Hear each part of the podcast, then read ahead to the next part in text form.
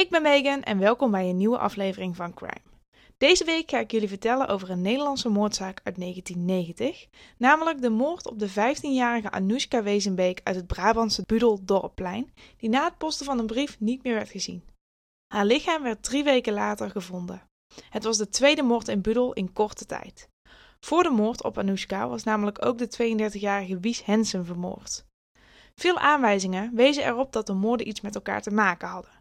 Maar des te verder de zaak vorderde, des te meer informatie er naar boven kwam die leek te duiden op een mogelijke andere oplossing. Vandaag vertel ik je over de zaak van Anoushka Wezenbeek.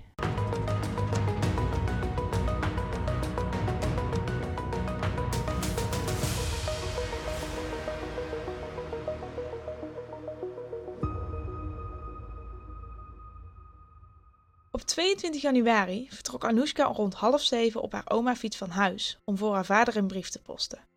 Zoals haar vader heeft omschreven voor de Limburgse Courant, zag Anoushka er vrolijk uit. Ze had zich opgemaakt en ze had al lach op haar gezicht. Anoushka zou na het posten van de brief iets met een vriendinnetje hebben afgesproken en had aan haar ouders beloofd om om 10 uur weer thuis te zijn. Maar de tijd verstrijkt en als Anoushka om 11 uur nog niet thuis is, maken haar ouders zich ernstig zorgen. Na het bellen van het vriendinnetje blijkt dat Anoushka daar helemaal niet is geweest. De ouders besluiten dus zelf te gaan zoeken en doen een ontdekking waar ze erg van schrikken. Ze vinden Anoushka's fiets terug langs de weg, maar Anoushka zelf is nergens te bekennen.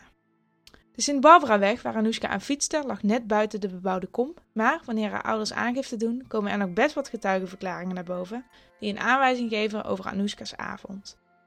Eén getuige verklaart Anoushka rond 7 uur gezien te hebben naast een bruine auto. Verder zeggen meerdere getuigen dat ze daar in de buurt een zoenend stelletje hebben gezien, naast opnieuw een geparkeerde bruine auto en een oma-fiets.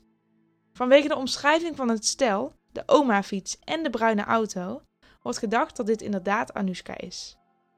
Anoushka zou hier hebben gestaan met haar vriendje. De auto was vermoedelijk een bruine Opel Record, die ook door andere getuigen die avond in de omgeving is gezien. Twee dagen nadat Anoushka vermist is, krijgt een journalist van de Limburger een vreemd telefoontje. Omdat hij niet thuis is, neemt zijn huishoudster op. De man aan de andere kant van de lijn doet een schokkende bekentenis. Hij zegt: Ik heb mijn ex-vriendin vermoord en ik heb haar in het kanaal gegooid. De man wilde zijn naam helaas niet geven en ook het telefoontje was niet traceerbaar. Maar voor hij ophing, zei hij nog wel waar hij het lichaam van zijn ex had achtergelaten. Namelijk in de Zuid-Wilmsvaart in Dorp Plein. En de Zuid-Wilmsvaart is waar drie weken later, op 12 februari 1990, het lichaam van Anoushka werd gevonden. Toen het dorp achter deze afschuwelijke ontdekking kwam, duurde het niet lang voordat de bewoners van Budel de moord op Anoushka koppelden aan de moord op Wies Hensen. Wies was een vrouw van 32 en was de avond voor haar dood op stap geweest op de kermis in Budel. Vermoedelijk was ze daarna naar het lokale café de Lucky Bar gegaan. De volgende dag, op 30 augustus 1989, werd zij vermoord teruggevonden. Ze was seksueel misbruikt en geburgd. De meeste getuigenverklaringen in die zaak spreken van een drietal mannen waar Wies voor het laatst mee gezien is. Er is in de zaak van Wies altijd gedacht dat het om lokale mannen zou gaan. Al snel werd dan ook de eigenaar van de Lucky Bar aangewezen als verdachte in de moordzaak. Er kwam in het onderzoek naar Wies ook een anonieme brief binnen bij de politie. De brief vermeende een gouden tip te hebben. In de brief stond: Ik wil graag anoniem blijven, want als ze weten dat ik dit heb gezegd, word ik vermoord. In de brief werd uitgelegd dat Wies een overdosis had gedaan en wees de kroegbaas aan als schuldige van de moord. De brief was getypt op een computer en daarna uitgeprint. En dat lijkt heel normaal, maar in 1989 was het erg bijzonder. En nu vraag je je misschien af, wat heeft de anonieme brief met de dood van Anoushka te maken? Nou, later werd namelijk uitgevogeld dat de brief was geschreven door Anoushka zelf. Ze had de brief geschreven op de computer van een vriendin en hem daarna heel voorzichtig met handschoenen aan op de post gedaan. Ze wilde echt op iedere mogelijke manier voorkomen dat iemand zou weten dat zij die tip bij de politie zou hebben achtergelaten. En dit was niet het enige dat erop wees dat Anoushka voor haar leefde vreesde. Er was recentelijk een stel langs de politie geweest dat had gezegd dat Anoushka in de weken voor haar dood vreesde voor haar leven, vanwege de tip die ze bij de politie had ingeleverd over de zaak van Wies Hensen. Op dat moment was helaas nog niet duidelijk dat Anoushka de brief had verstuurd met daarin de tip. Nu zul je je afvragen hoe kan het dat Anoushka deze tip had en deze theorie over de zaak van Wies had? Nou, ze was niet de enige in Budel met deze theorie, maar Anoushka was wel de ex-vriendin van de stiefzoon van de kroegbaas. Dus de brief wees aan van hè, de baas van de Lucky Bar is de dader. En Anoushka was de ex-vriendin van zijn stiefzoon. De vraag speelde bij velen toen natuurlijk op. Kon de stiefzoon misschien de man zijn die de journalist had gebeld met zijn bekentenis dat hij zijn ex-vriendin had vermoord? Anoushka dus. Het lijkt allemaal heel goed op elkaar te passen. Anoushka schrijft een brief aan de politie met een gouden tip over de moord op Wies Hensen. Zij vreest voor haar leven en wijst de stiefvader van haar ex-vriendje aan als dader.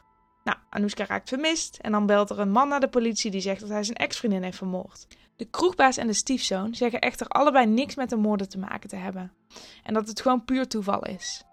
En in principe zou dat kunnen, want er is nooit bewezen dat zij er iets mee te maken te hebben. Dat het puur toeval kan zijn dat beide vrouwen zijn vermoord? Nou, dat kan. Aan het begin van deze aflevering had ik het namelijk over een bruine Opel Record die naast Anoushka reed en die later vermoedelijk werd gezien na zijn het stelletje. Het bleek dat het meest recente vriendje van Anoushka inderdaad een bruine Opel had. Het is een 19-jarige Patrick.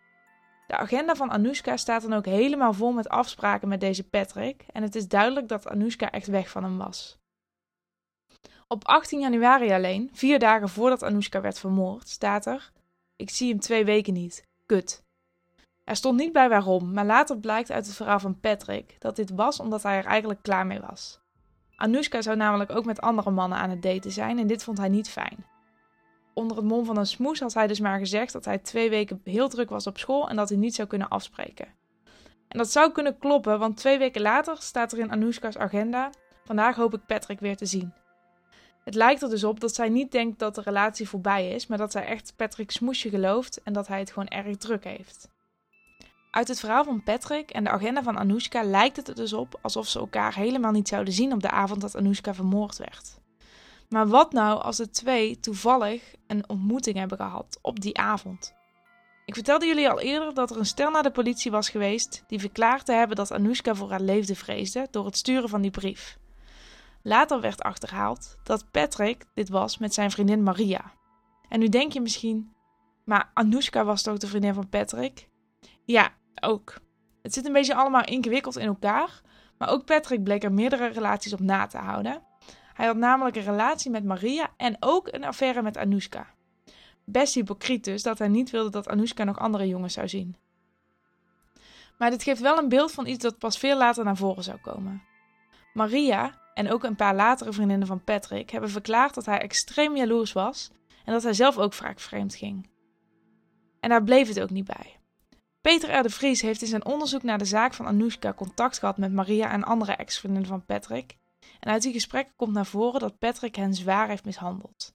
Allemaal verklaren zij dat ze zijn uitgescholden en dat hij gedreigd heeft hun huisdieren iets aan te doen. Hij zou ze hebben geslagen, hij zou hun keel dicht hebben geknepen en ze zouden echt bang zijn geweest voor hun leven.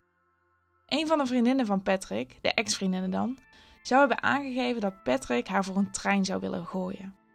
Het zijn dus echt allemaal zware mishandelingen en bedreigingen.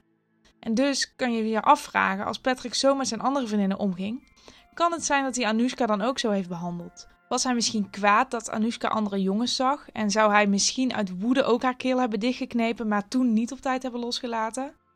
Allemaal vragen die nog steeds door het hoofd spelen van de familie van Anoushka. Want er is nooit genoeg bewijs verzameld om een dader aan te wijzen. Wel is het cold case team van Politie Brabant sinds mei 2019 weer begonnen aan het doorspitten van oud bewijsmateriaal. Ook DNA-bewijs uit de zaak van Wies Hensen werd in 2019 weer opnieuw onderzocht met het gebruik van de meest nieuwe technieken. Het is te hopen dat beide zaken uit Budel alsnog worden opgelost voor de nabestaanden, want er is nog steeds geen antwoord op beide zaken. Kan het zijn dat Anoushka Wezenbeek en Wies Hensen door de eigenaar en de stiefzoon van de Lucky Bar om het leven zijn gebracht? Of is toch Patrick degene die Anoushka om het leven heeft gebracht en dat dit helemaal niks te maken heeft met Wies Hensen? Maar waarom zou Patrick dan samen met zijn andere vriendin Maria naar de politie zijn gegaan? En wat had de brief van Anoushka er dan mee te maken? Allemaal vragen die ook voor de politie nog niet helemaal duidelijk zijn. De zaken staan dus nog steeds open. De politie en het cold case team zijn er nog steeds mee bezig. Ehm, we hebben inmiddels aardig wat luisteraars. Dus mocht jij nog tips hebben, ik weet dat het inmiddels 30 jaar geleden is. Maar mocht je tips hebben, ehm, wil je iets kwijt over de zaak, het kan nog steeds. Uh, je kunt tips indienen via een linkje via onze website. En het is te hopen dat dit ja, toch nog ooit uh, opgelost wordt. Zowel voor de familie voor Wies Hensen als voor de familie van Anoushka.